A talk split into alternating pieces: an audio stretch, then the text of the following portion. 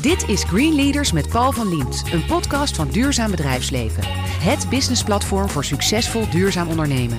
Wekelijks hoor je hier een Green Leader die de economie vernieuwt, verandert en verduurzaamt.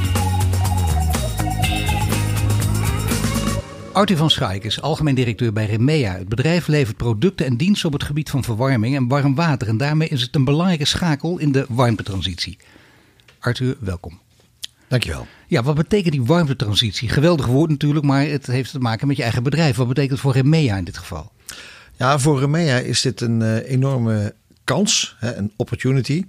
Uh, wij zien de energietransitie als echt een, een, een, fasering waarin we naar een volgende fase gaan, ook in Nederland.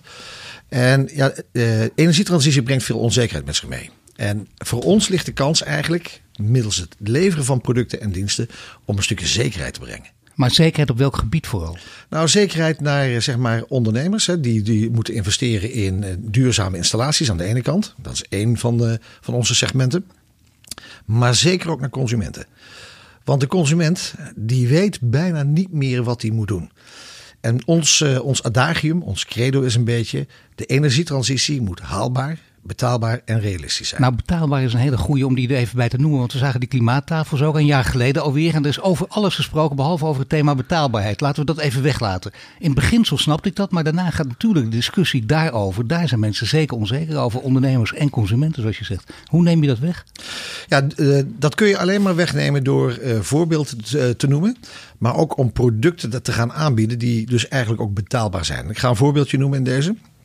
Uh, als ik kijk naar de consument, uh, mensen met een eigen woning, uh, de bebouwde omgeving, dan weet je dat daar gewoon de grootste vraag is. Bij de consument van, ja, wat moet ik nou doen? Wat moet ik nou doen? Terwijl van alles op afkomt. Moet ik nou all electric gaan, gaan doen? Moet ik mijn huis gaan zwaar gaan isoleren? Wat zijn nou de stappen die ik moet nemen? Maar vooral moet ik helemaal van het gas af. Want daar begon ja. het mee en daar worden we een beetje gek mee gemaakt. Is dat verstandig om dat te doen? Nee, dat is niet verstandig. Um, uh, wat wel verstandig is van het gas af in de nieuwbouw. Omdat je daar goede techniek hebt met, uh, met elektrische warmtepompen. Uh, en isolatie. isolatie. Ja, goede, en goede isolatie. daar heb je een prachtige combinatie om dat te doen. Maar in de bestaande bouw daar heb je dus echt een, echt een uitdaging. En daar moeten we op een andere manier gaan nadenken hoe we dat gaan oplossen. Maar wat betekent dat? Dat klinkt ook heel mooi. Je hebt een grote uitdaging, maar ik bedoel, daar hebben we toch al heel lang over nagedacht. Dat, dat, want jij zit sinds 2002 bij EMEA volgens mij. Hè? Toen zijn jullie al bezig geweest met, met uh, bedrijven toen nog helemaal om gas draaiden. Ja. Dus sinds die tijd heb je de tijd gehad om erover na te denken. Nou, sterker nog, we hebben niet alleen de tijd gehad, maar we hebben ook geacteerd. Zeker. Dus we hebben een aantal dingen gedaan. En we hebben geïnnoveerd. En als je gaat kijken van hoe zijn de stappen die, die wij willen nemen. Eén is betekent ontwikkelen op gas, maar gas is niet alleen. Dus gas betekent eh, traditioneel gas, aardgas omzetten naar bijvoorbeeld eh, waterstofgas. Daar zijn wij druk mee bezig als één oplossing. Je moet gaan verbreden naast gas elektriciteit. Hè, want elektrische oplossingen zijn ook zeer zeker daar. Denk aan warmtepompen, maar zeker voor de bestaande bouw de hybride warmtepomp. Daar zal ik daar nog wel wat meer over zeggen. Daarnaast moet je ook denken aan oplossingen die meer collectief zijn. Want er gaan meerdere systemen gaan er komen. En denk daarbij bijvoorbeeld aan warmtenetten. Dus oplossingen gebaseerd op warmtenetten. Denk ook aan ventilatie die, die, die, die je mee moet nemen. En denk ook, denk ook aan de koeling. Dus ja, je ziet het al, dit, dit hoort bij een energietransitie, maar ingewikkeld genoeg. Hè? Niet voor degenen die daar bovenop zitten, die het hele spel kennen. Maar voor alle buitenstaanders wel. Want dit zijn heel veel, heel veel zaken door elkaar. De ene waar je op terug wil komen, moet je misschien nu al doen. Die hybride pomp. Ja, nou, maar als we kijken nog, nog een keer naar die bebouwde omgeving. Naar de bestaande woningen. Daar ligt de grote uitdaging. 85% van de huidige woningvoorraad staat er nog steeds in 2050. Dat betekent daar ligt de grote uitdaging om iets te doen. De oplossing en die zal ik heel plat en simplistisch maken, is aan de ene kant de helft van de bestaande woningen in Nederland. Dan praat ik over een grote 3 miljoen woningen. Daar kan een hybride warmtepomp die je naast de bestaande ketels eh, plaatst, kan een fantastische oplossing bieden om daar al te gaan balanceren en je energie te gaan besparen. Maar dat is interessant. En naast de bestaande ketel, dus die ketel gaat niet weg, die blijft er ook staan en er komt die andere pomp naast te staan. Ja, en dat is een, uh, uh, de truc is een beetje om een pompje te hebben, een warmtepomp, een hybride warmtepomp die gaat, uh, gaat balanceren met, uh, met, uh, met je cv-ketel. En wat doet hij? Gebruik elektriciteit als het kan en gebruik gas als het moet. En wat, wat betekent dat? Heb je bijvoorbeeld veel warm water nodig, dan springt je ketel bij. Ga je onder de 4 graden buiten temperatuur, dan springt de ketel bij. En de rest draait hij elektrisch zeg maar, op, de, op de warmtepomp. En dat gaat vanzelf goed? En dat gaat vanzelf goed. Nee, ja. mag, ja. Kijk, met hele eerlijke ogen aan. Ik, ik kijk of het blauwe ogen zijn, dat zie ik zo snel niet. Maar dat is net, niet. Maar dat is, daar moet je altijd oppassen ook. Hè? Nee, maar dat zeggen mensen altijd. Nee, dat is heel makkelijk. Nee, maar misschien is dat wel een goede vraag. Hè? Want van, van Eindelijk, het werd ook tijd na 10 minuten. Ja, nou, alsjeblieft. Eh, de, eh, de, de kern van, de, van het verhaal is, het is niet overal toepasbaar. Ik zei al van de helft van de woningen. In die helft van de woningen zal de ene besparing hoger uitvallen dan de andere. Maar het wordt wel interessant. Dus dan heb je een terugverdientijd van minder dan zeven jaar in die helft van de woningen. En hoe doet hij dat dan? En dat is een beetje de truc die we hebben, hebben eh, uitgevonden. De regeling van de hybride. Die, die stuurt de ketel. Dus het werkt omgekeerd. En dat betekent dat die met elkaar kunnen praten. En nu hebben wij een hybride ontwikkeld die met alle cv-ketels kan praten. Dus we hebben hier een briljante oplossing. Voor elk, elke cv-ketel is er de Elga die je daarin kunt toepassen. Elga staat voor elektriciteit en gas. Dus we hebben daar een prachtige oplossing voor. En hij kan ook nog eens een keertje bijna met alle thermostaten communiceren. Dus het is een, een hele mooie oplossing die je hebt. Die je naast, en hij is zo klein als een klein boilertje. Dus je kunt hem bijna overal plaatsen. Toch lijkt me, lijkt me dat je een hele ambitieuze man bent. Ook als je kijkt naar de geschiedenis van het bedrijf waar je werkt en zo. De, de, de kracht waarmee je zelf ook die energietransitie ingaat. Dat betekent wel dat je, dat je eigenlijk meer zou verwachten dan de helft van de woningen. Want waarom kan die andere helft die niet aan? Nou, dat is eh, interessant, omdat namelijk eh, eh, iedere woning heeft zijn eigen historie. Hè. Woningen uit 1930 of uit 1800 zijn anders. Je hebt een andere verwarmingsinstallatie. Hè. Je hebt de radiatoren, sommige Ja. hebben vloerverwarming. Dus elk huis kent zijn eigen dimensie. Dan moet je ook reëel zijn dat een hybride dus niet overal een toepassing is. Want uiteindelijk gaat het om het balanceren tussen gas en elektriciteit. Dat betekent dat je dan in die andere delen van die, dus de andere helft, zul je een andere oplossing moeten verzinnen. Nou, ga altijd kijken naar isolatie, hè, want dat, dat is. Maar isoleren is ook een kostbare aangelegenheid. En nu komt het, want we moeten toch een beetje iedereen duidelijkheid geven waar we naartoe gaan. Wij geloven heilig dat waterstof een volgende fase zal zijn in, in, in, de, in de gastransitie. Als je waterstof hebt, dan kan die door de bestaande leidingen. Dat betekent De dat bestaande gasleidingen. De bestaande gasleidingen. Ja, GasUnie heeft het ook al aangegeven. Een groot project met Shell. Dat is een heel groot verhaal natuurlijk ook. Zeker. Hè? Een reusachtig project in Eemshaven voor groene waterstof. Waar we straks ook nog wat meer over gaan zeggen. Maar dat, daar heeft het allemaal mee te maken. Het kan dus. Het kan absoluut. Wij hebben eh, eh, de huidige cv-ketels. Die kunnen al een 25% inmenging van waterstof aan. Hè, Wij zijn er ook voor gecertificeerd. Dus de huidige cv-ketels kunnen dat. Wij willen ook naar een volgende fase gaan. We hebben ook een cv-ketel ontwikkeld die op 100% waterstof kan. Ja, dat wou ik net zeggen. Dat is inderdaad een wereldprimeur. Zo is ik Ja. ik citeer. Het is een wereldprimeur met woningverwarming op 100% groene waterstof in Rotterdam. Nou ja, dan als je dat dus voor elkaar krijgt, dan loop je, dan loop je helemaal vooruit. Dan wil je het van de daken schreeuwen. Dat deden jullie ook. Dat, dat werd ook gehonoreerd. Maar is dat dan een, een, leuk model of iets waar je in de nabije toekomst zo wat mee kan? Nou, het is, het is eh, sterker nog, het is een betaalbaar en een haalbaar, maar ook een realistisch model. En ik ga het heel kort uitleggen. Het verschil tussen een huidige cv-ketel en een cv-ketel op 100% waterstof zit hem voornamelijk in je brandertechnologie en een stukje software. Die brandertechnologie hebben wij ontwikkeld. En dat betekent dat je een, wat ander type warmtewisselaar in je ketel moet, hebben. Maar verder functioneert die exact hetzelfde. Nu moet je voorstellen dat een normale installateur zo'n 100% waterstofketel gewoon kan aansluiten op de bestaande leidingen. eh, alles op een normale manier kan doen. En het enige wat eigenlijk anders is, is dus een stukje software en die brandertechnologie. Wat wij nu gaan doen, en we denken dat over een jaar of 7 tot 10 tot 12, dat we 100% waterstof in verschillende delen op verschillende wijzen eh, kunnen krijgen. 17 tot 12, dat is een groot verschil hè? Ja, maar we gaan een overgangsfase krijgen. krijgen. Ja. En eh, waarom noem ik deze, deze bandbreedte? Omdat we een beetje afgaan van wat wij in het verleden het traditionele eh, leveringssysteem hebben, hebben genoemd. Wat er gaat gebeuren is, je krijgt steeds meer mogelijkheden om zelf wat op te wekken. Je krijgt ook lokale netten. En je krijgt nationale netten. Wij, wij werken nu steeds met het nationale net. Dat gaat anders worden. En dat betekent dus in dat geval dat je ook lokaal, eh, individueel, lokaal en nationaal ook een verschillende spreiding gaat krijgen. Om iets heel simpels te, eh, te visualiseren. Er wordt nu een, eh, een waanzinnig groot project opgestart hè, in het noorden eh, door, door Shell en, eh, en GasUnie.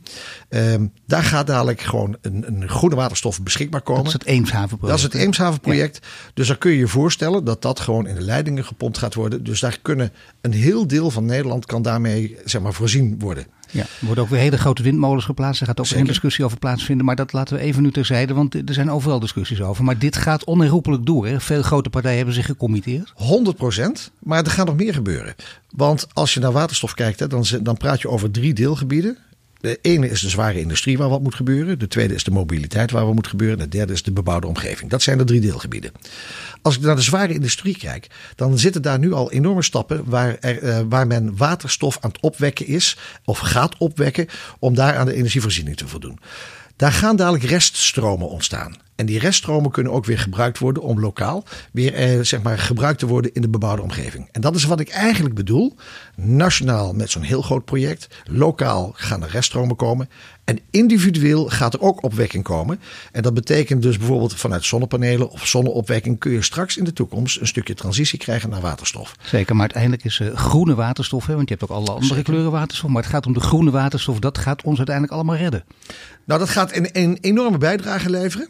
En eh, wat we wel zullen zien is Maar dat. na er- die stikstofdiscussie hadden we er wel behoefte aan. Hè? Even, even, even iets anders te horen ook. Ja, nou ja, Groene kijk, waterstof. eh, Maar, maar, maar weet je, Paul, eh, wat mooi is, er is goed nieuws. Ja, er is goed nieuws. En we mogen dat goede nieuws mogen we Ja. best delen. Maar het En- goede nieuws is ook dat je wel moet zorgen dat je dan marktrijp bent, zoals het heet. Hè? Want dat weet Ja. je zelf natuurlijk al beter, veel beter dan ik. Maar eh, je kunt voor op de markt voor uitlopen. Wat jullie doen met, met die wereldprimeur, dan, dan maak je het ook eh, voor een groot publiek ook kenbaar.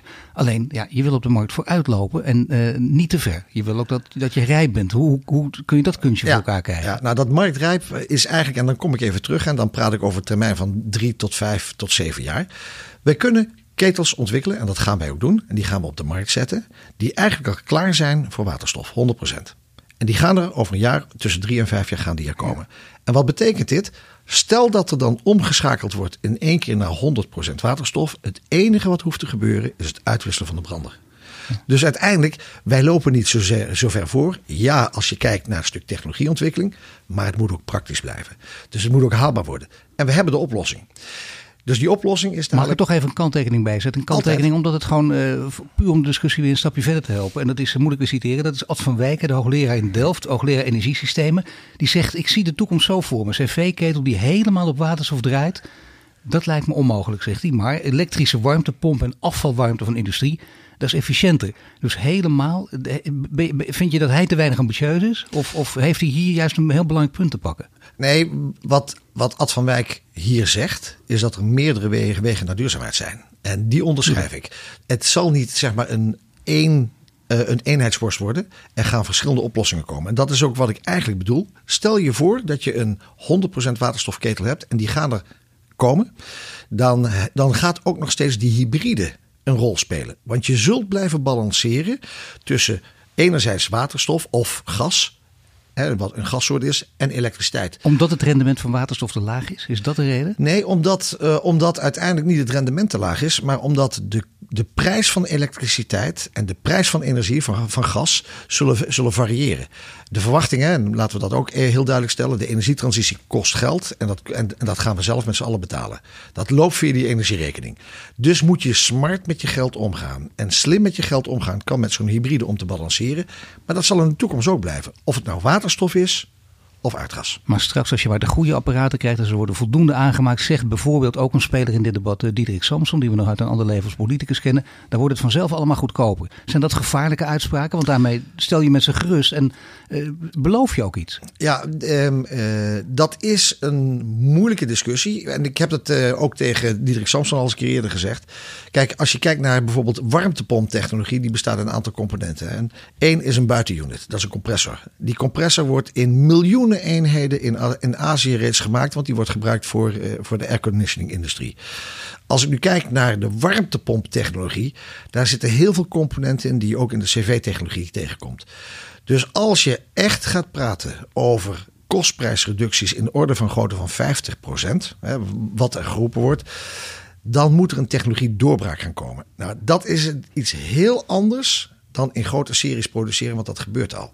Dus wij moeten niet de illusie hebben dat we op hele korte termijn hier een technologiedoorbraak gaan krijgen en kostprijsdalingen gaan krijgen. Je moet dus iets slims doen. Maar wat zei Diederik Samson in die discussie? Want dat is inderdaad een interessante discussie. Je moet nooit iets beloven dat je je kunt waarmaken. Want daar word je later een keer op teruggepakt. Maar niet in een negatieve zin, maar terecht ook. Hè? Ja. En dan, dan gaat die, die, dat vertrouwen weg bij mensen. Waar natuurlijk uh, het hele leven nu om draait, ook om vertrouwen. Ja, nou weet je, kijk, eh, zonder, zonder nu eh, mensen in hokjes te stoppen. Maar ik denk dat politiek en, en, en bedrijfsleven toch twee ele verschillende elementen kennen. Zeker. Wij moeten een langdurige relatie eh, opbouwen met, eh, met een klant. En we weten dat politiek altijd wat vluchtig is. Ik begrijp de uitspraak heel erg goed overigens. Want je wil mensen meenemen. Dus meenemen in die energietransitie. En ik denk dat we het zo moeten zien. En Nou ja, maar Samson die gaat tegenwoordig in Europa over de Green Deal ook. Dus ik bedoel, dan, dan gaat het wel over de lange termijn ook. Jawel, maar, maar goed, ehm, eh, eh, de Green Deal moet gerealiseerd worden. En gerealiseerd worden, wordt door een aantal partijen gedaan. En uiteindelijk, hè, ons merk is verbonden met de klant. En wij worden erop afgerekend eh, wat, wat wel en wat niet realiseerbaar is. En als wij zeggen dat je met een, met een hybride warmtepomp daarmee kunt gaan spelen om je energieprijzen gewoon te optimaliseren. Voor de helft van de woning en van de bestaande bouw. Dan is dat een belofte die wij, die wij doen en die we ook willen nakomen. Aan het woord is Artie van Schaik. Hij is algemeen directeur van Remea. En zojuist vertelde hij over de rol van waterstof in de warmtetransitie. Nu praten we verder over zijn persoonlijke drijfveren.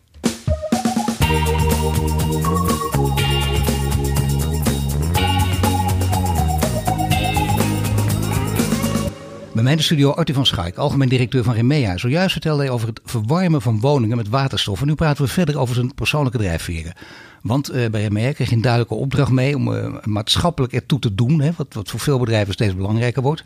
Eh, is er een, een reden geweest om bij een, een maatschappelijk betrokken bedrijf te werken toen je 18 of 19 was? Wilde je dat toen al per se of niet? Heel eerlijk gezegd, nee. Nee. Nee, nee, nee, weet je, ik ben er ook in gegroeid. Kijk, ehm, eh, toen ik bij Remer kwam, dat was in 2002.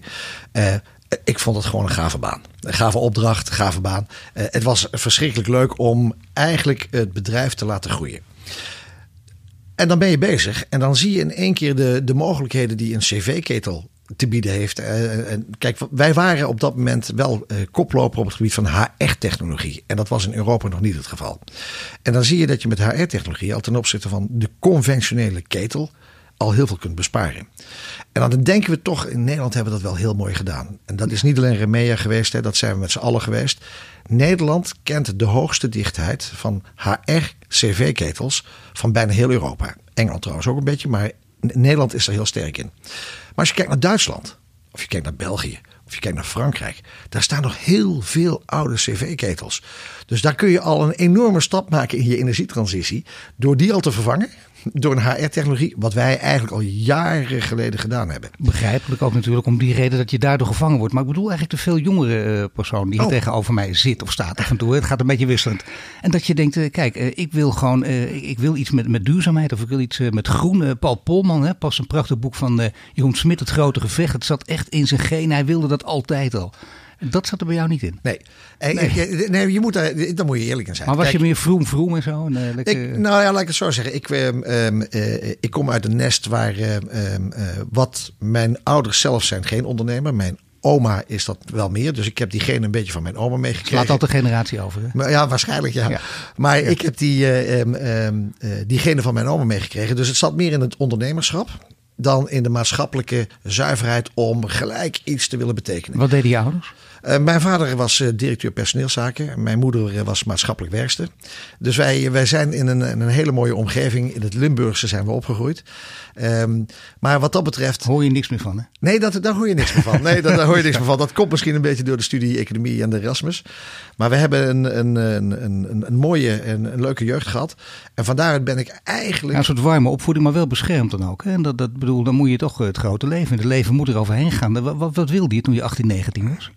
Ja, Ik eh, bedoel, qua beroepsperspectief, eh, misschien eh, wat voor studie of geen idee. Nee, maar nou eigenlijk wel. Eh, toen, ik, eh, toen ik op de haven zat, toen, eh, toen had ik eigenlijk twee dromen. En eh, één was journalistiek. Zo. En, ja, ja, dat is het. Één Kijk was journalistiek. Ja, ja, en, en de andere was, was bedrijfseconomisch. En ehm, Uh, op een gegeven moment, ik heb een test gedaan en uh, daar kwam to toevallig precies hetzelfde uit. Dus toen moest ik een keuze maken. En toen bleek ik gewoon in economie, had ik hartstikke mooie cijfers. Dus toen, uh, toen ben ik, heb ik die stap eigenlijk gezet op basis van die historie. Je ja, of economisch journalist. Waarom wilde je journalist worden? Nou, journalist, dan was het beschrijven van, van de werkelijkheid, het weergeven van een aantal elementen die, die je zag. Het schrijven aan zich vond ik leuk. Het maken van verhalen. En misschien is dat wel een bruggetje. Het maken van verhalen. Oh, je maakt ook zelf bruggen. Ja, dus ja, dat zit er toch een beetje in, hè, die journalistiek. Maar dat is dat bruggetje. Vragen stellen hoeft niet. Dan kun je ook zelf. Ik kan gewoon weglopen hier. Dat is nou ja, weet je. Eh, wel een beetje jaloers af en toe op wat je aan het doen bent. Nou ja, dat, dat, toch zit er toch een beetje half in je hoofd van dat lijkt me ook leuk werk. Of ben je heel blij dat je deze keus gemaakt hebt?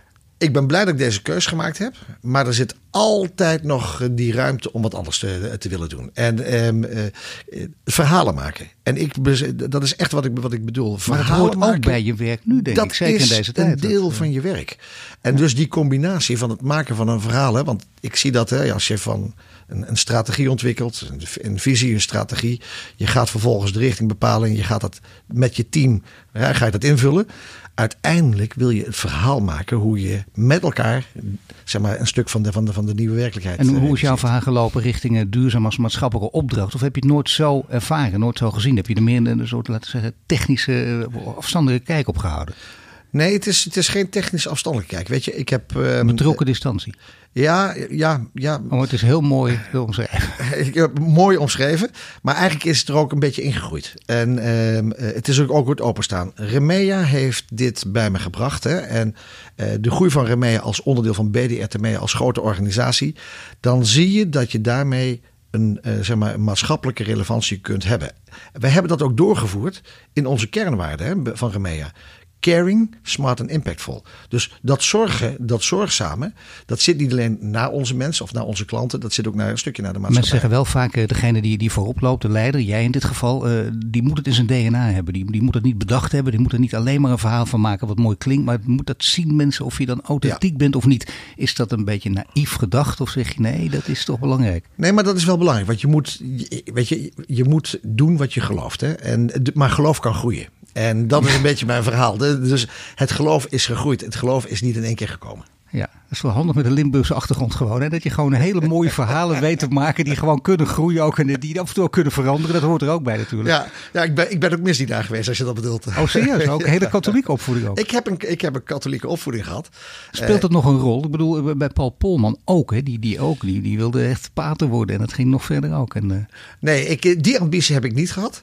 Uh, het zat bij ons een beetje in die Limburgse omgeving. Hè. We, wij, wij, wij, zijn katholiek van huis uit opgevoed.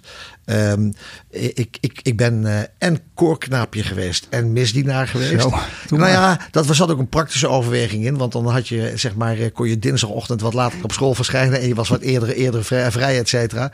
Het nadeel was ook dat je af en toe het kerkplein moest schoonvegen. Want dat hoorde er toen ook bij. Ja, maar al die elementjes. Ja, en je deed het ook, hè. Het, was ook de omgeving waar we, waar we zaten. Wij kwamen in een, in, in, uit een omgeving, een klein dorpje in de buurt van Maastricht, Bunde. En daar was alleen maar een katholieke school. Daar bestond niks anders. Ja. Als een soort van zelfsprekendheid.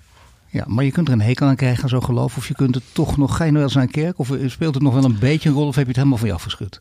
Uh, ik heb het niet helemaal van me afgeschud. Het, ik ben niet uh, actief beleidend. Uh, maar het speelt meer in de culturen van de opvoeding en van, van waar je vandaan komt. Nou ja, het heeft ook misschien te maken met je manier van leiding geven. En nu zeg ik wel iets heel erg enorm zwart-wit. Maar toch, als je met mensen met een, laten we zeggen, protestante achtergrond. die horen vaak tot de precieze. En, en de, dan heb je de rekkelijke. Dat zijn mensen met een katholieke achtergrond. Ja, nou ja, goed. Uh, ik weet niet of dat black and white is. Het is wel zo dat je begrip kunt hebben voor, uh, voor verschillende achtergronden. Nou ja, het is wel belangrijk natuurlijk waar jij nu mee bezig bent met die energietransitie. Je hebt de tijd natuurlijk helemaal mee. Iedereen is ermee bezig. Je moet je dus ook echt zien te onderscheiden. Da daar krijg je echt onecht. Dat, dat is nogal een belangrijke. Dus, dus wat is wel en niet authentiek. Maar bovendien ook, hoe krijg je mensen mee? Want uh, jij kan het weten. Dat zie je heel vaak. En de boardrooms zijn enorm enthousiast. Ze kennen het verhaal en ze vertellen het vervolgens tegen hun mensen. En die reageren niet zo enthousiast. Nee, dat is niet zo gek, want die weten nog niks. En dan worden de bazen worden weer boos. Want die denken, ja kijk eens, onze mensen begrijpen het niet. Waarom zijn die niet net zo enthousiast als wij? Hoe doe je dat? Wat is, wat, wat is bijna het kunstje om, om mensen ook met je mee te nemen? Nou eigenlijk, eh, ja, ik weet, je mag het geen kunstje noemen denk ik. Uh, het, het zit hem in, je noemde het net al een beetje authentiek zijn. Dus weet je, je mensen moeten je geloven. Maar een beetje moet authentiek zijn, dat is een beetje zwang. Hè? Nou ja, goed, goed dan volledig, volledig authentiek. Nou ja. Eh, maar je moet authentiek zijn. En je moet ook de technieken gebruiken om dit over te brengen.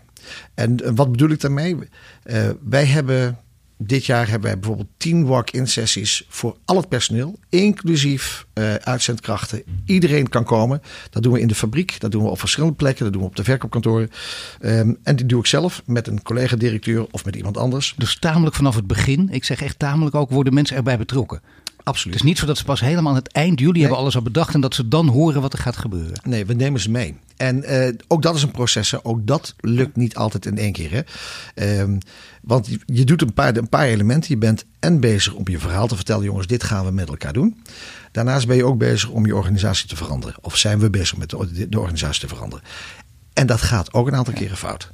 Eh, eh, veranderingsprocessen betekenen ook gewoon dat je voldoende open moet staan om een aantal stappen te zetten om die organisatie mee te Maar nemen. mensen die wat willen leren voor over leiderschap, die kunnen van jou dus leren, ook als er wat fout gaat. Want wat kun je een voorbeeld daarvan geven? Waar je denkt, nou ja, natuurlijk gaat niet alles, alles goed. Maar wat ging er fout en waar heb je van geleerd dan?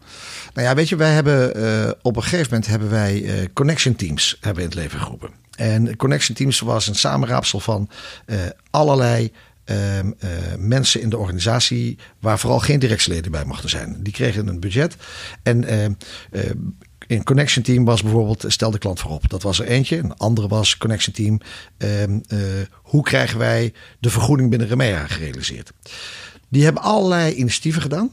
En die hebben ook, een voorbeeldje daarvan is, we hebben een, ons hele dak op de fabriek volgelegd met PV-panelen, et cetera. Initiatief wat uit zo'n team terecht is gekomen.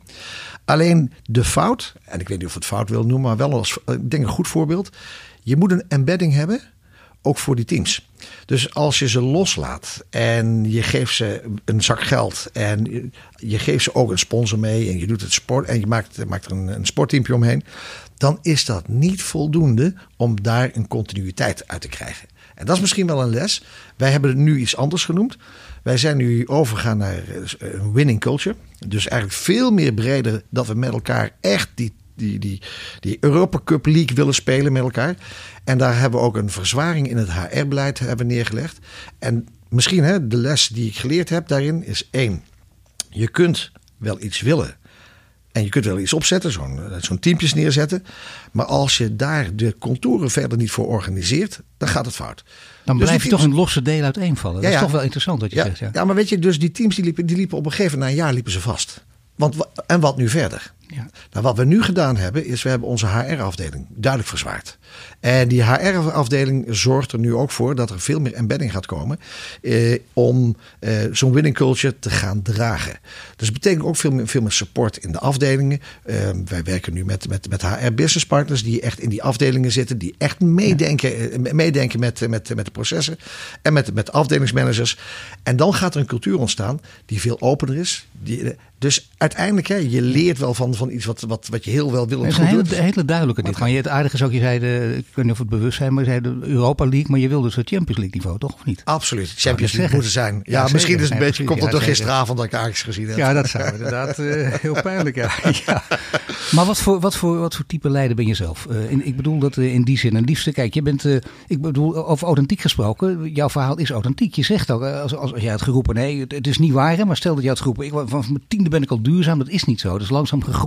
Ik denk dat mensen dat ook begrijpen. Dat, zal, dat slaat eerder aan een leider die dat zegt dan een leider die zegt, nee, ik was het toen al, omdat het toevallig goed uitkomt. Dat, dat is alleen maar opportunisme. Maar het is wel belangrijk voor jou om te weten, wat voor, en voor de mensen ook, wat voor leider je bent. Strak erbovenop, tik je autoritair af en toe, of juist een hele vriendelijke man. Ehm, ik denk allebei. Eh, ik ben... Ik, ik Vriendelijk ben, en autoritair. ja, Dat ja, knap ja, als je dat voor dat ja, een beetje, een beetje schizofreen bijna. Dat, Ja, misschien is dat ook wel een beetje zo. Maar ehm, eh, je bent altijd op zoek naar, eh, naar, naar de juiste leiderschapsvormen. En die, eh, die, die bestaat uiteindelijk niet omdat alles in beweging is. Kijk, wat, wat, wat mij een beetje kenmerkt is, ik hou van beweging. Ik hou van dynamiek. Ik hou van, van, van, van spontaniteit. Ik hou ook van mensen die willen leren en ook fouten maken. Hè. Dus waar ik een gruwelijke hekel aan heb, is mensen die vast blijven zitten en zeggen van zo is het, zo blijft het en zo zal het zijn. En die helpen ook altijd te klagen, die mensen. Dat valt ook op, hè? Ja, maar je hebt ook weer een backbone nodig. Hè? Dus Ja. je moet ook weer niet, niet de black and white daarin denken. Want je hebt wel, wel mensen nodig die, die ook voor een aantal andere trajecten zorgen. Maar ik ben wel iemand die van bewegen houdt. En ehm, eh, soms kan ik daar ook wel, wel eens een keer wat te snel in gaan. Dus moet wel zorgen dat iedereen aangehaakt blijft. Dat is ook wel een les, les die ik de afgelopen jaren geleerd heb. Maar je moet af en toe ook afscheid nemen van mensen. Dat hoort ook bij leiderschap. Maar we hebben het over groen leiderschap hier. Uh, laat, soms laat je ervan los. Hè. Leiderschap misschien ook in algemene zin. En, en dat is dan lastig. Want dan denken we, ja, dat kan ik eigenlijk niet. Dat wil ik niet. Dat klinkt heel sympathiek. Maar dat, da, daarmee pak je de anderen natuurlijk ook. Je moet af, ben, je, ben je er goed in om mensen te ontslaan? Uh, het hoort erbij. En uh, het, het, blijft niet leuk. Het is een van de mindere leuke dingen. Maar het hoort erbij en soms moet het. Kijk, we praten hier energietransitie. Betekent ook organisatietransitie. En een, een, organisatie verandert. En met veranderen betekent het dat, dat dat niet altijd met dezelfde mensen kan. En zelfs een organisatie zoals BDR Temea of Remea, die aan het groeien is, betekent toch dat je een aantal andere mensen soms nodig hebt. Ja, en dan is het niet leuk als je dan afscheid moet nemen van mensen. We hebben het voordeel een beetje dat we uh, nu het klimaat mee hebben, dus dat het klimaat en het werkklimaat mee hebben, dat we mensen dus wel kunnen begeleiden als dat is. Um, het mooiste wat wij meemaken is als mensen het zelf inzien en we, ze kunnen, en we ze kunnen helpen. En dat gebeurt gelukkig vaak. Wie houdt jou fris? Wie, wie zorgt dat jij tot de juiste inzichten komt? Want je loopt er ook al een tijdje mee, ook bij hetzelfde bedrijf. Je hebt daar heel veel bewegingen ook meegemaakt. Dus je betekent dat je een, zekere flexibiliteit ook hebt, die ook hard nodig is. Maar zijn er mensen die echt ook uh, durven zeggen: Kom op, Arthur, dat, uh, dat zie je echt verkeerd? Ja, nou, dat gebeurt thuis. ja, ik ben net zoals uh, oh, vele anderen. Uh, en dat is maar goed ook. Mijn, mijn vrouw Wilma is, is pianiste. En die, die kan hey. wel eens een keer een hele nuchtere kijk op een aantal zaken hebben. Ik heb twee jongens. oh, dat helpt ook, ja. Daniel en, en, en, en Christian. En die, kijk, die mannen, 18 en 26, die staan er ook heel nuchter in. En zeggen, die kunnen ook wel eens, doe jij eens even gewoon. Ja, nou ja, dat zie je als leider natuurlijk. Als je hele mooie successen boekt en uh, als, als je uh, op je werk uh, gevierd wordt, dan weer thuis ook applaus natuurlijk. Hè. Dan kom je binnen, vind je het gek dat het niet geapplaudiseerd wordt. Maar dat, dat is bij jou niet het geval. Absoluut geen applaus. Kan en op je, werk zelf, op je werk zelf ben jij degene die, die alle knopen steeds... uiteindelijk moet, je, moet er iemand zijn die de knopen doorhakt. Ja, maar dat moet je niet zelf alleen willen doen. Dat, uh, de truc is wel een beetje om de contouren te creëren dat je met een team uh, op eenzelfde en ook op een gedifferentieerde manier naar, naar zaken kijkt. Want dat maakt het net, net interessant. Dus um, wij zijn in een hele mooie ontwikkeling dat wij een heel leuk team hebben. Ook als directieteam en ook, ook in de verschillende managementlagen. Uh, en dat gaat altijd van de ene, de ene keer is wel sterker dan, dan de andere keer. Dat daar ook besluiten genomen worden. De truc denk ik, hè, of een belangrijk element van leiderschap is met name om dat soort dingen ook te delegeren. En uh, is natuurlijk ook een, een, prettige thuisomgeving, heb je net aangegeven. En misschien ook aardig om dat even tot besluit in dit blok nog even te noemen. Uh, je noemt al heel bescheiden je vrouw als pianiste, maar je vergeet je eigen muzikale prestaties te, te roemen ook. Hè? Misschien hebben jullie elkaar daar wel op gevonden, want jij bent toch ook muzikaal of niet? Ja, ik, ik heb mezelf zeg maar muzikaal verklaard. Daar, daar, mijn vrouw kijkt daar wat anders tegenaan, dus daar hebben we elkaar niet op gevonden.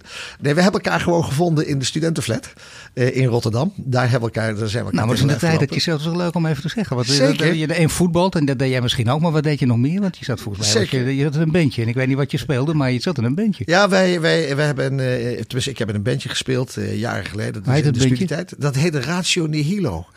ja, dat oh, zegt wel al heel een niveautje erbij. Ja, ja, zeker. Die zou maar, uh... Ja, dat was, dat, dat was hem hoor. En wij lieten ons ook uitbetalen in bier. Nou, dan weet je een beetje, weet je hoe dat ging. We speelden vooral in kroegen. Een uh, beetje, beetje die Rolling Stones covers en dat soort dingen. Verschrikkelijk leuke tijd gehad. Hele leuke tijd met, met, met vrienden om, om, om, muziek te maken. Helaas doe ik het weinig. Je hoorde Arthur van Schaik. Hij ging van Ratio Nihila naar Remea. En zometeen praten we verder over wat er moet gebeuren om hele wijken van het aardgas af te krijgen.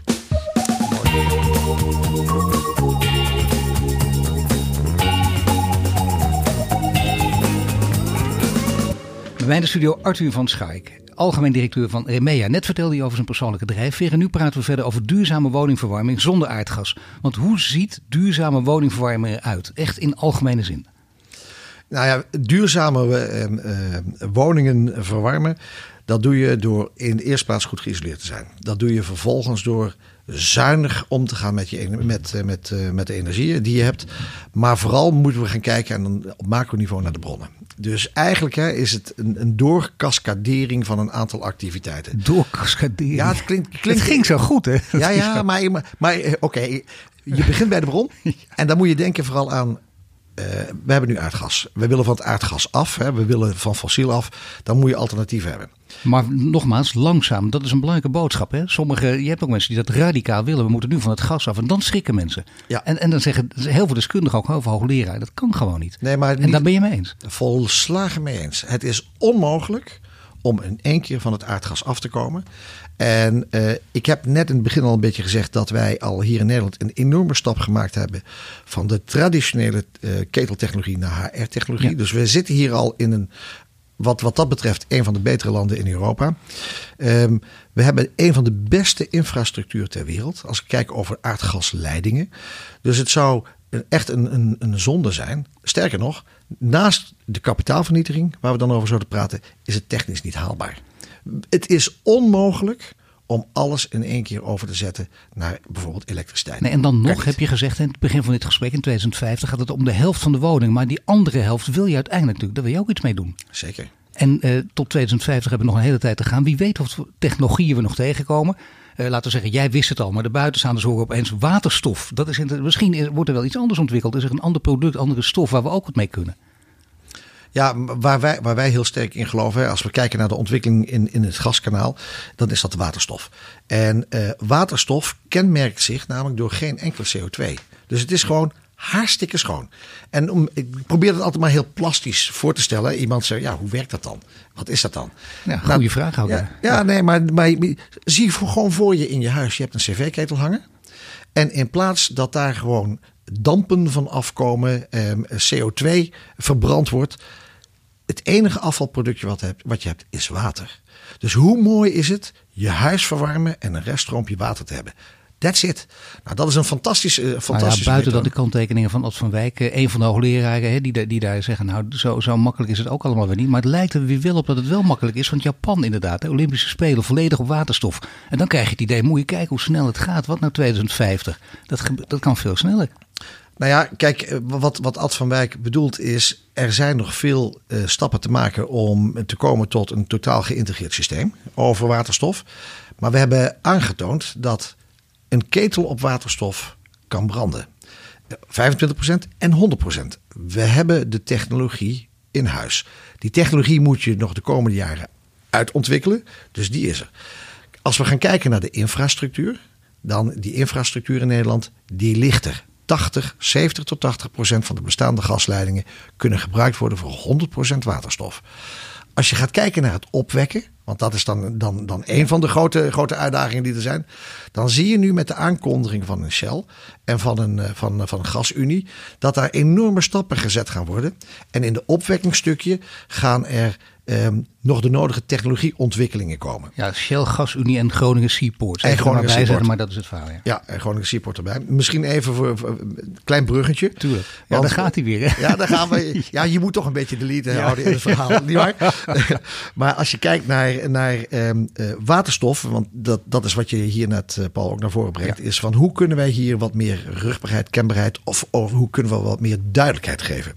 Wat we nu gedaan hebben, we hebben ons verzameld. En dan praat je net over Shell, GasUnie, um, Seaport, uh, ja. Groningen, uh, de, de haven van Amsterdam, Stedin en Remea.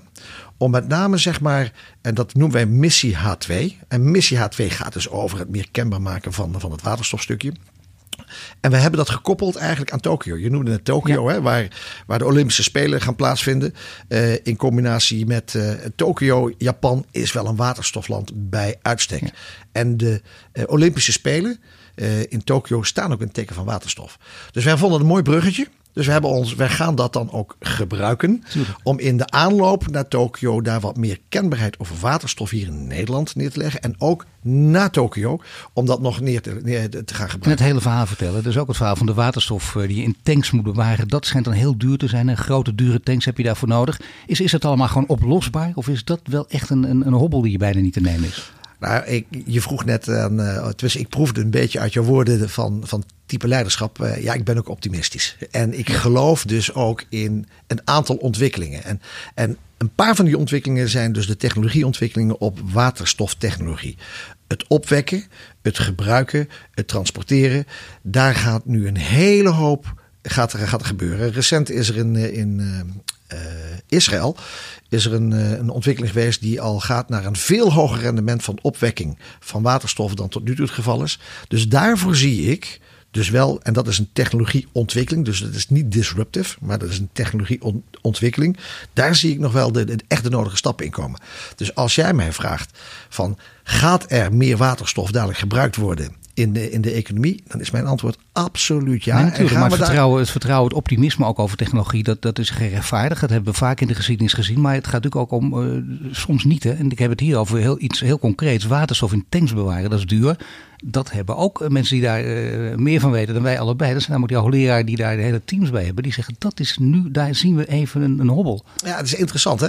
Want als je nu terugkijkt hè, naar, uh, naar hier in Nederland. En we kijken gewoon naar de jaren 40, 30, 40, 50 toen hadden we stadsverwarming. Waar werd er opgeslagen? Dat was waterstof. Dat zijn die grote tanks. Dus, dus ik, wat, wat, wat, we moeten net iets anders denken. Die, ja, het kan. Maar waar het hier om gaat is, is met name de effectieve en efficiënte opslag en, en het transport vervolgens. En daar ben ik wel optimistisch over. En optimistisch over dat, dat, dat we dat gaan. Er ook veel uh, ondernemers, veel mensen die, die ook grote bedrijven als jij leiden. En die zeggen nou, ik, waar ik minder optimistisch over ben. En, en dat is ook maar goed ook om dat te roepen. Want er kan er wat gebeuren in positieve zin. Is de arbeidsmarkt. In dit geval, je hebt installateurs nodig. Ja er lopen er niet gek veel rond. Want ouders met kinderen, die willen toch allemaal met hun kinderen, ook al zijn het echte HAVO, misschien VWO-kinderen, die moeten hoe dan ook met VWO. Logisch, je wil het beste voor je kinderen, allemaal begrijpelijk. Maar ondertussen, waar blijven de installateurs? Ja, dat is een hele goede vraag. Dat is echt wel de uitdaging voor de branche, uh, in de, in de installatiebranche. Uh, de installatiebranche zal geconfronteerd worden de komende vijf tot tien jaar met gewoon minder handjes. Ik kan hieruit dat wel een oproep doen. Zeg jongens, let op. Als jij loodgieter wordt of monteur, je kunt ja. goud geld verdienen. Het helpt, niet, hè? het helpt niet dit soort dingen. Eigenlijk blijft het toch raar. Hè? Wij vinden dat nog steeds blauwe borden en zo. Je zou zeggen, een nieuwe generatie kan het niet schelen. Die noem je, dan ben je ondernemer. Ja, maar, maar, maar toch, we zien dat, en voordat we die trend hebben omgebogen, dan zullen we misschien echt tien jaar verder zijn. We blijven die, dat, dat, dat beroep daarop doen. We zullen ook zien dat dit soort mensen gewoon goed geld kunnen gaan verdienen in de toekomst. Maar dat gat gaat ontstaan. En voor ons als industrie betekent dat echt heel veel. Dat betekent maar dat zie wij... je nu al aankomen. Je kijkt ja. ver vooruit. Je kijkt ja. naar 2050. Dan, wat ga je dan doen? Eigen scholen oprichten? Onder interne andere, opleidingen? Onder andere. Wij zullen veel aandacht geven aan educatie. Dat doen we trouwens al. Hè? Maar mag wij... ik toch, eigenlijk is dat te gek voor een, een beschaafd land als Nederland. Hè? Dat we gewoon het onderwijssysteem hier niet op kunnen aanpassen. Ja, um, uh, laat ik, laat ik doen. Ja, nou, ik, ik, ik, begrijp je opmerking. Um, maar dat is niet alleen in Nederland het geval. Ik, we zien dat meer in Europa. Hè? Dus er zit een soort drive in, in Europa naar, naar ander type um, uh, opleidingen. We zien de digitalisering enorm oprukken. Ja. Je ziet hè, dat de stapjes die die kant op gaan is meer sexy. Hè? Het, het, het, beeld van, van, van, van de monteur is wat minder sexy. Terwijl je daar echt een, een paar enorme stappen in kunt maken. Maar ik wil toch wat zeggen. Want als ik kijk naar de industrie en onze industrie. Wij worden daarmee geconfronteerd. De installatiebranche wordt daarmee geconfronteerd. Hoe moeten we daar nu in godsnaam mee omgaan? Want dat is dan, de, dan, dan een vraag die wij moeten beantwoorden. Wij zullen dus onze producten eenvoudiger moeten maken. Dus meer plug-and-play en meer gestandaardiseerd. En om het heel simpel voor te stellen, hebben wij nu nog een drietal of een viertal verschillende types van cv-ketels of warmtepompen. Alles zal dadelijk op eenzelfde basis geschoold zijn. Met dezelfde uh, bouwblokken, met dezelfde regelingssysteempjes. Zodat de visie is, één keer iets kennen, een product kennen, alles kennen. En dat heeft ook te maken met de reservedelen. Dus als onderhoud gepleegd moet worden, dan moet je dus dadelijk zorgen dat er minder onderdelen in de busjes van die monteurs gaan komen. Het moet simpeler worden. Maar de monteurs zelf moeten dit ook allemaal in, in de grip krijgen. Ze weten nu precies, met name de mensen met ervaring, hoe die cv-ketels werken. Ze hebben daar gewoon ervaring in, de routine. Zo werken natuurlijk altijd in het leven. Ja, maar dat is mooi. Dat is nou weer het mooie van zo'n waterstofketel. Ja. Want die is nagenoeg hetzelfde. Ja. Dus, dat, dus qua kosten, als ik het vergelijk met een hele dure warmtepomp zal de waterstofketel veel meer in de lijn liggen dan wat wij acceptabel zullen dus de bestaande installateurs hoeven zich nauwelijks om te scholen? Nee, die, die hebben daar heel weinig omscholing voor nodig om dat te kunnen. Dus dat is een enorme, enorm voordeel van zo'n van ja. zo'n waterstofketel. Um, maar blijft het feit dat beschikbare handjes gewoon wel een uitdaging wordt. Ja, nou ja, goed, een uitdaging, maar we zien het op veel terreinen ook. Hè. Dat is al heel lang de roep ook om uh, meer meisjes in technische vakken. Dat bestaat ook al jarenlang. Dus dan gaat het maar door. En er gebeurt uh, niet zo gek veel op dat gebied, lijkt het althans niet als je naar de aantallen kijkt. Ja. Jij praat hier neem ik aan ook met anderen over. Want het is niet alleen voor jou iets, het geldt voor, voor, voor meer mensen die grote bedrijven leiden. Hebben jullie al iets wat in de richting van een oplossing gaat? Nou kijk, de oplossingen liggen, eh, eh, zitten dus op, op een aantal fases. Eén, eenvoudiger maken van je, van je productportfolio. Dat is één oplossing. Dat, moet, dat, dat moeten we en dat gaan we dus ook doen. Het tweede stukje is zelf meer opleiden. Nu al leiden wij 6000 installateurs per jaar op hè, in, bij, bij Remea, ieder jaar. Dat gaat richting 10.000 straks. We gaan een apart Customer Experience Center bij in Apeldoorn bouwen. Alleen al om dit soort vragen tegemoet te kunnen komen. Dat zullen anderen ook gaan doen. Um, uh, uh, wij gaan een hogere verbinding neerleggen met universiteiten, met HBO's, maar ook al vanaf de lagere school. Dus wij gaan eigenlijk weer terug de lijn in richting scholen. Ook om het verhaal te vertellen, om het sexy te maken, om ze mee te nemen. Dus je zult ook gaan zien dat wij steeds meer eh, lagere scholen in Apeldoorn in de fabriek gaan krijgen om te laten zien hoe leuk het wel niet is. Prima, maar het is ook een lange termijn traject en zo. Dat Zeker. kan niet anders. Je zegt net, dat kan het bedrijfsleven bij uitstek. Moet het ook. Je wordt anders ook afgerekend daarop door je klanten. Dus doe dat ook gewoon. En dat kan. En over een jaar of tien, dan heb je de kans dat, dat deze mensen een hele grote zwaai maken. Dat, en niet meer denken, oh, ik moet iets met handjes gaan doen en dat is minder waardig. Nou, dat hopen we. Maar ook zeg maar, de rol die wordt anders. Hè. We hebben dat in de, in de automobielindustrie ook gezien. Hè. Je, ziet, je ziet de rol van de garages veranderen.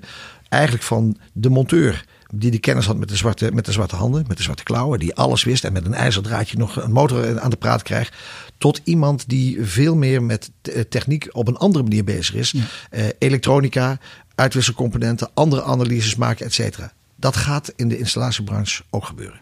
En dan hebben we nog een sector die eh, van belang is, namelijk eh, RD.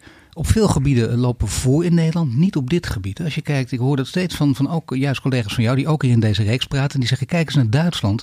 Uh, het percentage uh, research and development, het percentage geld dat daar ingestopt wordt, is vele malen hoger dan in Nederland. Maar waar daar lopen we nog in achter. Per bedrijf. Ah, nou, ik, daar, dat vind ik toch. Heel veel geld in onderzoek stoppen. Omdat ja. het vaak, omdat het, ik snap het ook. Het is namelijk, het is net als onderzoeksjournalistiek, uh, laten we zeggen in mijn vak. Het is uh, op lange termijn, het is wat ongewisse. Ja, dat, dat, dat moet ik toch enigszins nuanceren. Hey, ik ben benieuwd. Uh, ja, wij, wij, Gaat u gang, professor? Nou, alsjeblieft, ja. nog, meneer. Wij, gaan, wij doen het om, toch op een wat andere wijze. wij besteden een hoog percentage van onze omzet vanuit de groep aan R&D. R&D is voor ons een kernissue ook in het bestaan. Want we zijn een innovatiebedrijf. En BDR Temea en Remea zijn, een, zijn innovatieclubs waarbij wij veel geld daarin stoppen. Dus wij kijken ook veel meer internationaal gezien. En als ik dan eventjes de afslag naar Nederland maak en ik kijk dan gewoon naar Remea. Wij hebben hier een van de grootste laboratoria staan in Nederland op het gebied van gas en gasontwikkeling. Um, uh, als ik al vergelijk met datgene wat bijvoorbeeld bij de Gasunie gebeurt, waar, waar, waar wij mee bezig zijn, dan denk ik dat wij net praten hier over een bijzonder innovatieve omgeving waar veel geld in R&D omgaat. Dus ik denk dat we een beetje moeten nuanceren. Nee, je eigen omgeving. Nee, die nuance is ook heel belangrijk. Maar ik bedoel natuurlijk wel de, de brede blik. Gewoon, het gaat over heel Nederland. Het gaat over Europa. Uh, zijn wij daar genoeg in? Zijn wij, zouden wij in Nederland dus meer moeten doen? Niet dat, dat jij genoeg doet, maar, okay. dat, maar het gaat om het, het, het, hele land. Alle bedrijven die toe doen. Kijk, wat je, uh, uh, je ziet in de industrie hè, dat er ook sprake is van globalisering van, en, en van, clustering. We, de bedrijven, en met name de innovatiebedrijven, je ziet een paar dingetjes. Enerzijds zie je jonge start-ups, nieuwe ontwikkelingen komen. Ik denk dat Nederland daar net wel heel erg goed is. Maar dan zitten we vaak tegen digitalisering aan, nieuwe, uh, nieuwe marktontwikkelingen, et cetera. Als ik ga kijken naar de wat meer traditionele omgevingen, dus de klassiekere RD-omgevingen, dan zie je dat het met name wat grotere multinationale bedrijven zijn. Ik denk dat we wat anders moeten gaan denken. Ik denk dat we veel meer moeten gaan denken aan eh, dit soort type bedrijven, die niet meer alleen gebonden zijn aan of Nederland of Duitsland of Frankrijk of Engeland. Want die werken ook met competence centers. Competence centers waar je R&D clustert om kennis en kunde. En dat kan bij het ene gebied kan dat in Frankrijk zitten. Het andere deel zit in Duitsland. Anders is het in Nederland. Dus we moeten er wat gedifferentieerd tegenaan kijken. Uh, wat je wel ziet is dat een aantal hoofdkantoren zich in Nederland vestigen. Dus dat ja. Brexit kan ook weer, weer, weer wat positiefs betekenen wat dat betreft. Maar het zit hem voor mij veel meer, niet alleen in de BV Nederland. Het zit hem hier veel meer van wat doen wij als organisaties in de investments, investeringen dus in R&D. En uiteindelijk gaat het naartoe naar uh, groene waterstof zal ons redden. Als ik het even mag samenvatten in één zin. En dan heb je vaak de leider die het goede voorbeeld moet geven. Maar die heeft thuis wel een kritische vrouw en kritische uh, kinderen. Dus uh, wanneer, wanneer is het huis van Arthur van Schuik volledig draaiend op groene waterstof? Oh, dat is een hele leuke. Ik hoop dat we daar een voorlopende rol in kunnen spelen. Want ehm, mijn huis staat, staat nog vol met ook de nieuwe technologie van vijf jaar geleden. Dus wij gaan, uh, wij gaan dat uh, binnenkort uh, gaan wij ook hier de volgende stap zetten om het huis van Artie van Schaik zeg maar, op de nieuwe technologie om te zetten. En dan 100% groene waterstof? 100% als het mogelijk is dat die beschikbaar is bij ons, dan zullen we de eerste zijn. En dan ga ik nog een stapje verder. Niet alleen 100% in het huis, maar dan gaat de dieselauto, uh, dieselauto wordt ook vervangen door een waterstofauto. Dus over vijf jaar mogen we even komen kijken of het allemaal waar is? 100%. Kan ik dit bandje even laten horen van kijk wat hij toen zei? Ja, 100%. Dan krijg je nooit die garantie. Ja, nou voor mij wel. Ja, en ik nodig je uit. Dankjewel Arthur. Arthur van Schuik van Remea. En je luistert naar een podcast van Duurzaam Bedrijfsleven. Mede mogelijk gemaakt door onze partners Ebbingen en Hill en Nolten. Volgende week zijn we terug met een nieuwe Green Leader. Dit was de Green Leaders podcast voor deze week. Volg onze website voor meer nieuws over succesvol duurzaam ondernemen. Wil je meer afleveringen luisteren? Abonneer je dan nu via iTunes of Spotify en krijg een melding wanneer er een nieuwe podcast online staat.